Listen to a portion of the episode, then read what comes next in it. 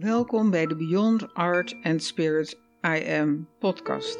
De podcast met Madama die kunst en spirit verbindt met bewustzijn. Dat doet zij door delen van haar teksten, schilderijen en muziek om jou op de tocht naar creatie, spiritualiteit en empowerment te inspireren. Ik ben Ida Guinee, je host.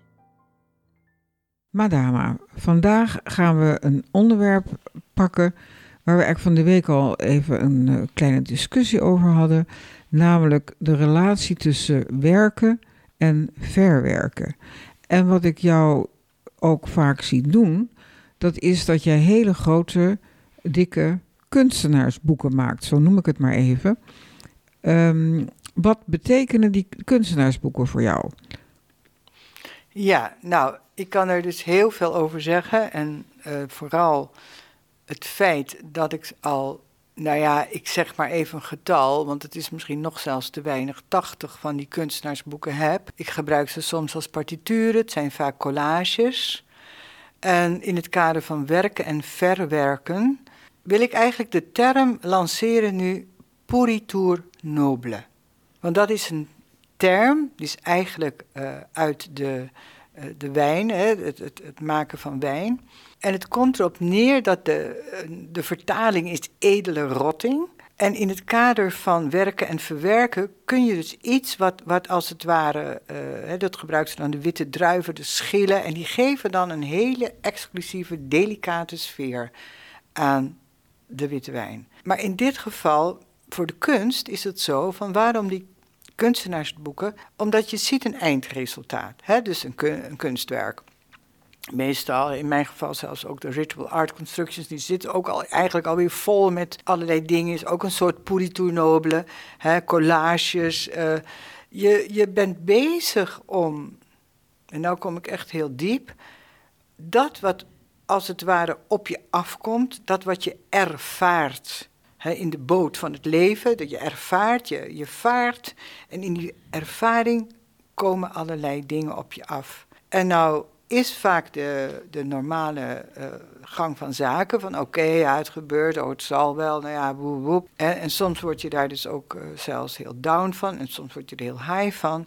En ook is in Nederland vaak de zin, doe maar gewoon en doe je al gek genoeg. Dus eigenlijk, je laat het vaak gewoon maar gebeuren. De gisting, hè, waardoor het dan eigenlijk iets kan worden, dat gebeurt dan niet. Of het gebeurt wel, maar je doet er niks mee. Plus dat de werkethiek, hè, dus uh, doe maar gewoon, dan doe je al gek genoeg. Dus je blijft maar doorwerken, je doet net of er niks aan de hand is en noem het op. Nou, een kunstenaar is natuurlijk het tegenovergestelde. Die is altijd bezig met verwerken. En wat is nou het voordeel van verwerken? Dat het als het ware tot een inzicht, tot een inzicht leidt. En dat inzicht, en nou kom ik ook in een diepere laag nog weer dat is gestoeld op het feit, zoals bijvoorbeeld de dichter Rielke dat ook noemt, de verinnerlijking. En in het Duits heet het zelfs de verwantling der dingen. Transformatie der dingen, doordat je ze herschept, je herinnert ze, je verinnerlijkt ze. En waarom verinnerlijken? En nou sluit ik even aan bij de podcast van de Nieuwe Aarde. De nieuwe aarde is de innerlijke ruimte. Nou, daar wil ik zo even nog wat dieper op ingaan. Ja, je noemt het begrip verinnerlijking, maar wat betekent dat? Wat is die innerlijke ruimte waar je het over hebt? Ja, de nieuwe aarde is de innerlijke ruimte, heb ik gezegd. En ik vind dat zo ontzettend belangrijk begrip om te introduceren, want het is eigenlijk eeuwen oud. En bijvoorbeeld Rielke, en ik wil eigenlijk graag dat gedicht, wat mij altijd heeft geïnspireerd, even voorlezen. Dit is een voorbeeld van verinnerlijking wat mij enorm heeft geïnspireerd in het boek van uh, Reinier Maria Rielke, de Elegieën van Duino. Hij heeft ze daar geschreven in Duino. Maar dit is eigenlijk al mijn hele leven. Ik heb er ook heel veel uh, foto's toen over gemaakt. Aarde, is dit niet wat gij wenst? Onzichtbaar in ons te verrijzen? Is het uw droom niet ooit onzichtbaar te zijn, aarde, onzichtbaar, is verinnerlijking niet uw enige dringende opdracht? Nou, dit is dus het negende energie. En dit had zo'n verpletterende indruk op mij gemaakt, want ik heb ook mijn allereerste grote gedicht, heet ook Ik ben transparant. Daar kunnen we later nog verder op ingaan. Dat heb ik uh, geschreven in 76. 75, 76. Dus dat thema van wat is aarde, wat is verinnerlijking, wat is uh, in feite die opdracht dan? Nou, hoeveel jaar later kan ik nu zeggen, ik begrijp het. Wat je begrijpt is dat alles wat je meemaakt, dus, dus de ervaring weer, in de, in de, op de rivier van het leven, de boot is je lichaam, de body, de boot is je lichaam, allerlei ervaringen op. Als je vaart, als je dus inderdaad dingen meemaakt en ze ook kan verwerken. Nou, die verinnerlijking is dat alles wat, noem het maar aarde, je kunt ook zeggen manifestatie, materie is, uiteindelijk komen we weer op Puritu Nobile, verrot dat. net als de bladeren nu in die herfst. ze liggen daar te rotten, maar ze liggen niet zomaar te rotten. Ze worden weer aarde, ze worden weer voeding. Nou, op het moment dat jij een ervaring dermate kan in jezelf kan verwerkelijken, verinnerlijken, wordt die aarde als het ware onzichtbaar. Dat wil zeggen, je krijgt de informatie, die dus als het ware de ziel der dingen, de informatie, die neem je eruit, de essentie kun je ook zeggen. En daar maak je dan weer je eigen vertaling van, de herschepping van die ervaring. En die maakt jou als het ware in jouw bewustzijnsgroei naar jouw eigen authentieke zelf, zodat je alles wat je meemaakt uiteindelijk, hè, dat is ook creativiteit, omwerkt, verwerkt, herschept tot iets waar jij wat mee kan. dus dat is eigenlijk de allerbelangrijkste boodschap van Rielke en van veel kunstenaars. Van maak de werkelijkheid dat jij er iets mee kan. Dat, dat het verwerkelijkt wordt dat het jouw kunstwerk wordt. Dat dat wat jij zichtbaar wil maken inderdaad uit je innerlijk komt en niet zomaar een reproductie is, hè, de robotwerking, van iets wat er al is. En daarom zijn wij op aarde. En dat is wat de aarde bedoelt. De aarde moet onzichtbaar worden om de werkelijke krachten die in haar leven, in de dingen die wij meemaken, dat die ook werkelijk tot energie. En materie is energie, komen we weer op alchemie, de wet van verandering. Alles is energie. Dus als jij de dingen die jij meemaakt niet verwerkt tot iets, dan zijn ze in feite niet bestaand, eigenlijk zinloos. En dat is een hele diepe gedachte. Ja, het geeft zoveel kracht en inzicht, maar tegelijkertijd merk ik dat het ook zoveel vragen oproept, thema's die je aansnijdt. En ik wil eigenlijk eerst even terug nog naar die kunstenaarsboeken. Want je zei net, kunstenaarsboek. Ten eerste wil ik graag weten, wat, wat stop je eigenlijk in die kunstenaarsboeken? Wat zit erin? En ten tweede, misschien kun je daar ook een voorbeeld van geven. Van iets wat je daarin hebt ja, gedaan, wat je hebt gemaakt of wat je hebt geschreven. Ja, ik zei al, ik heb er 80. Dus uh, ten eerste, uh, wat je erin stopt is eigenlijk het, waar we het net al over hebben, het levensproces, hè, de purito nobile, dus het verwerkingsproces van dingen. En het kunnen zijn noem het maar stukjes gedichten. Het kunnen zijn collages, plaatje, plaatjes die je op dat moment aanspreken met het proces waar je op dat moment in zit. Het zijn ook hele gekke dingen, als het kan een reclame dingetje zijn uh, van uh, alles is goud, zeg ik maar, hè, van een juwelier. Nou, wap, dan knip ik natuurlijk meteen het woord goud uit, want ik ben met de alchemie van het zijn bezig. Dus met andere woorden, het zijn tekeningen, sketches, dat je ineens denkt, oh ja, daar moet ik even vlug opschrijven. En daar heb je dan ook niet direct een soort van code op. Van nou, het moet er zo uitzien of ik wil dat eruit selecteren. Je laat het hele proces zijn. Maar wat wel interessant is van, waar ik net zei, uh, al 80 jaar, hè, dat is namelijk die eerste gedichten die ik toevallig nu aan het ordenen ben. En eentje wil ik voorlezen uit 1969, dus was ik 19, waar ik de overgang, uh, ook al zo'n kunstenaarsboek, want je moest iets maken voor de overgang van uh, de Gerrit Rietveld Academie, waar ik op zat op dat moment, en uh, naar de tweede klas.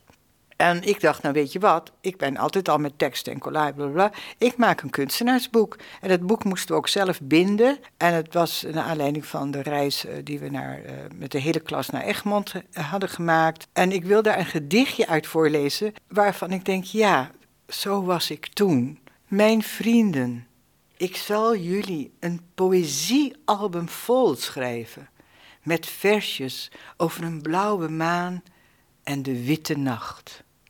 Ik zal jullie een leven verzinnen, warm als het haardvuur, na een koude wintersneeuw, waarin ik zacht mijn sporen nalaat. Dus dat is iets wat ik zo ontroerend vind als 19-jarige. Je bent, ik was ook erg beïnvloed door de poëzie van Hans Lodijzen. Hè, van deze wereld is niet de echte, en ik loop er zachtjes uit. En hij was gestorven op zijn 25ste. Dus ja, dat zijn van die thema's die je enorm aanspreken. En ik wilde inderdaad, en dat vind ik wel het leuk, omdat we het nu officieel die art of self-realization noemen, hè, de kunst van zelfverwerkelijking, dat ik toen al iets had van ja, ik wil jullie iets geven. En ook wat warmte geeft. En ik had natuurlijk vreselijk last altijd wel van de kou. Hè, en het blijft nog steeds, is dat wel een item.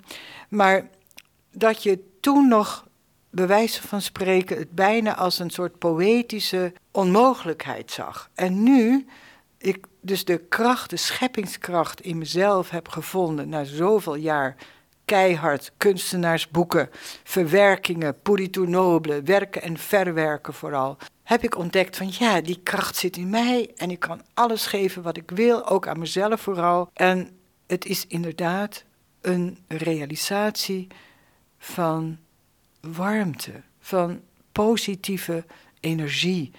En daar kun je voor kiezen. En dat is weer die verinnerlijking. Ja, want dat wil ik toch ook aansnijden.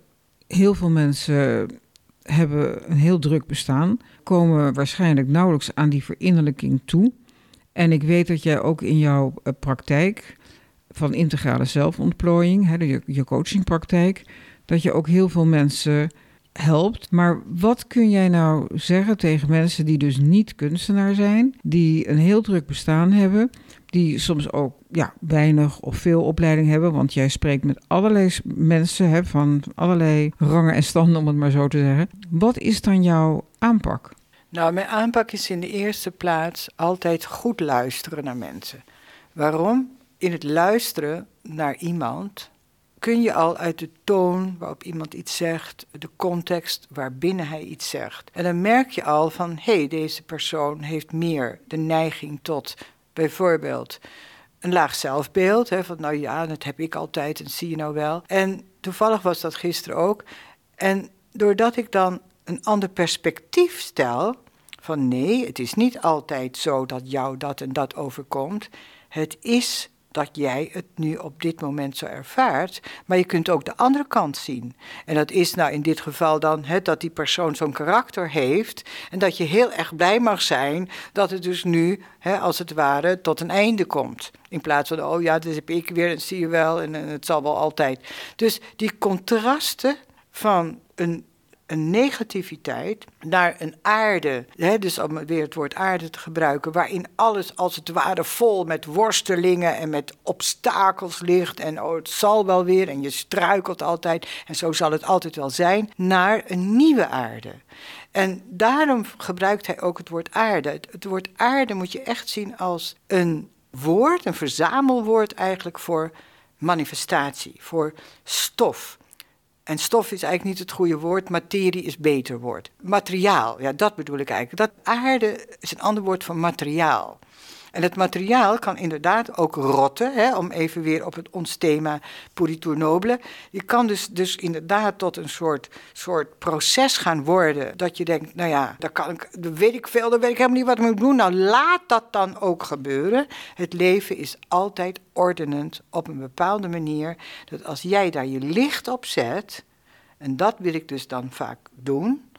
En leer ik mensen ook, kijk ernaar alsof het buiten jezelf is. Dat weer het, hè, alsof het de aarde is. Jij bent de mens en je kijkt naar de aarde, naar de manifestatie, naar de materie. Wat gebeurt er? En dan komt er een stukje analyse in. Een stukje van, oké, waarom identificeer ik mij zo daar op die en die manier? Misschien kan ik het ook wel anders zien. Dus perspectief change hebben we ook in de kosmische renaissance besproken. Dat is het allerbelangrijkste, dat je jezelf niet meer ziet als het ware een product hè, van de gebeurtenissen, maar dat je altijd vanuit een ander perspectief ernaar kan kijken en dus niet mee hoeft te identificeren, dus er als het ware een verandering in kan aanbrengen.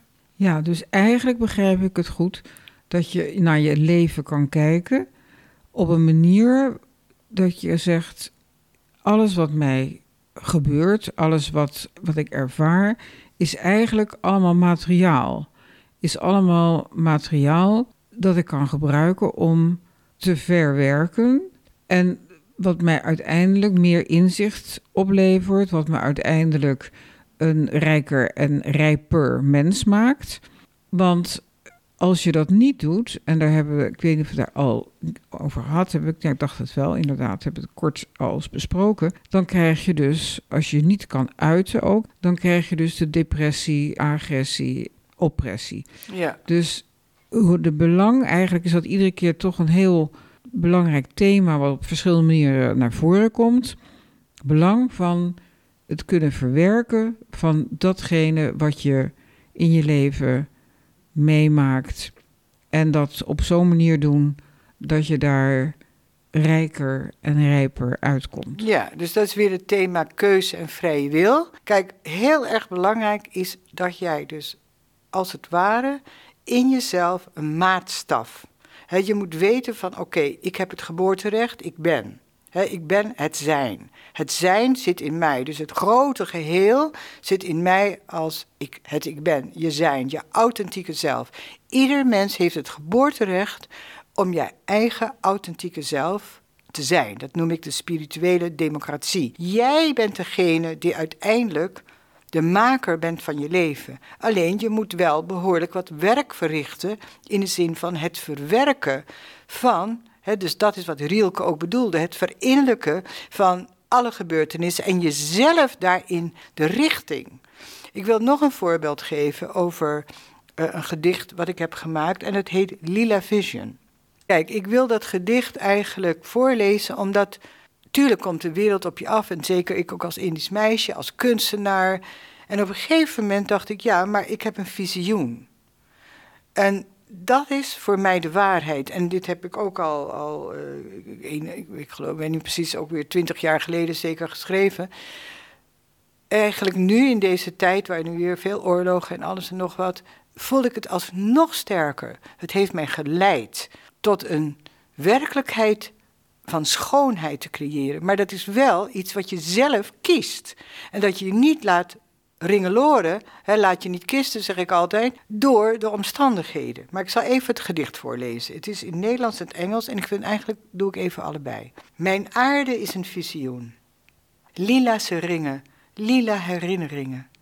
Lila bloesem, lila huid, lila luchten, lila bruid. Lila ringen, lila herinneringen. Een zon in de ochtend van mens geworden God. Want mijn aarde is licht, mijn aarde is schoonheid, mijn aarde is ruimte, mijn aarde is heimwee, mijn aarde is hemel, mijn aarde is bezield, mijn aarde is transparant, mijn aarde is genade, mijn aarde is een gewijde plaats, mijn aarde is een veilige oase voor de transfiguratie van de totale mens. My earth is sufficient. My earth is illumination. My earth is beauty. My earth is cosmic. My earth is nostalgia. My earth is divine. My earth is my soul. My earth is transparent. My earth is golden grace. My earth is a safe, powerful place. My earth is a safe oasis for the transfiguration of the entire human race. En in het Engels is het soms zo mooi hoe dat dan rijmt. Maar waar het om gaat, lila. Lila betekent altijd de kleur van transformatie. Dat is eh, de violette kleur van paars, het hele lichte paars. Eh, je ziet ze voor je, die lila ringen. Die schoonheid die dat uitstraalt, maar ook de kleur van het blauw en het rood-roze. Wat altijd de kleur van transformatie is. En ook heel belangrijk, ja, moet je het zeggen, de hoop die eruit straalt. Dus hoop is vernieuwing, is verinnerlijking van iets wat uiterlijk misschien nog niet helemaal gerealiseerd is, maar dat je van binnen doet. En dit, hier heb ik een prachtig schilderij bij gemaakt. Dat zal ik jullie laten zien op, uh, op de website. En ik heb het ook heel veel gezongen en gespeeld, ook in de Nieuwe Kerk in Amsterdam. Ja, het was echt een heel belangrijke fase voor mij. Dat die lila ringen, zou je ook kunnen zeggen als lila bloesem uit de pijn van mijn hart. Ja, madama. We hebben eigenlijk heel mooi een aantal thema's behandeld vandaag. Het thema werken, verwerken. Het thema verinnerlijking. Het thema aarde, ook eigenlijk teruggrijpend op de nieuwe aarde. Hè, nieuwe aarde is genade. En perspectiefwisseling. Kortom, een spontaan ontstaande ja, sessie. En ja, dankjewel. Ik vind het heel fijn dat ik het even kon delen, omdat je ook dan de ontwikkeling ziet van dat meisje hè, met die blauwe maan en die witte. En dan uiteindelijk dat ze toch weer tot die keuze komt van, nou, mijn aarde is schoonheid, mijn aarde is genade. En ja, dan kan je gewoon niet hard genoeg zeggen van, jongens, Make the positive change whatever happen. Super bedankt dat je geluisterd hebt naar deze aflevering van de Beyond Art and Spirit I Am podcast. Het is ons doel om zoveel mogelijk mensen te inspireren, zodat er meer creativiteit en bewustzijn in de wereld komt. Ben je nieuwsgierig naar de volgende aflevering? Abonneer je dan in je podcast-app door te klikken op abonneer. En klik ook even het belletje aan als je op de hoogte wil blijven van nieuwe afleveringen. We zijn heel benieuwd naar reactie, dus laat een review achter, de 5 sterren ranking op Spotify of een geschreven review op Apple Podcasts. We vinden het fantastisch om feedback te krijgen van jullie, onze trouwe luisteraars. Dank je wel. En wil je voortaan alle nieuwe podcastafleveringen overzichtelijk onder elkaar? Abonneer je dan op deze podcast. Klik in je podcast-button subscribe en je ontvangt automatisch een berichtje als er een nieuwe podcastaflevering verschijnt. En wil je meer weten over een thema, schilderij of gedicht? Stuur een mail naar info.madama.nl. Meer info vind je ook op de website www.madama.nl. Dank voor het luisteren en graag tot een volgende keer.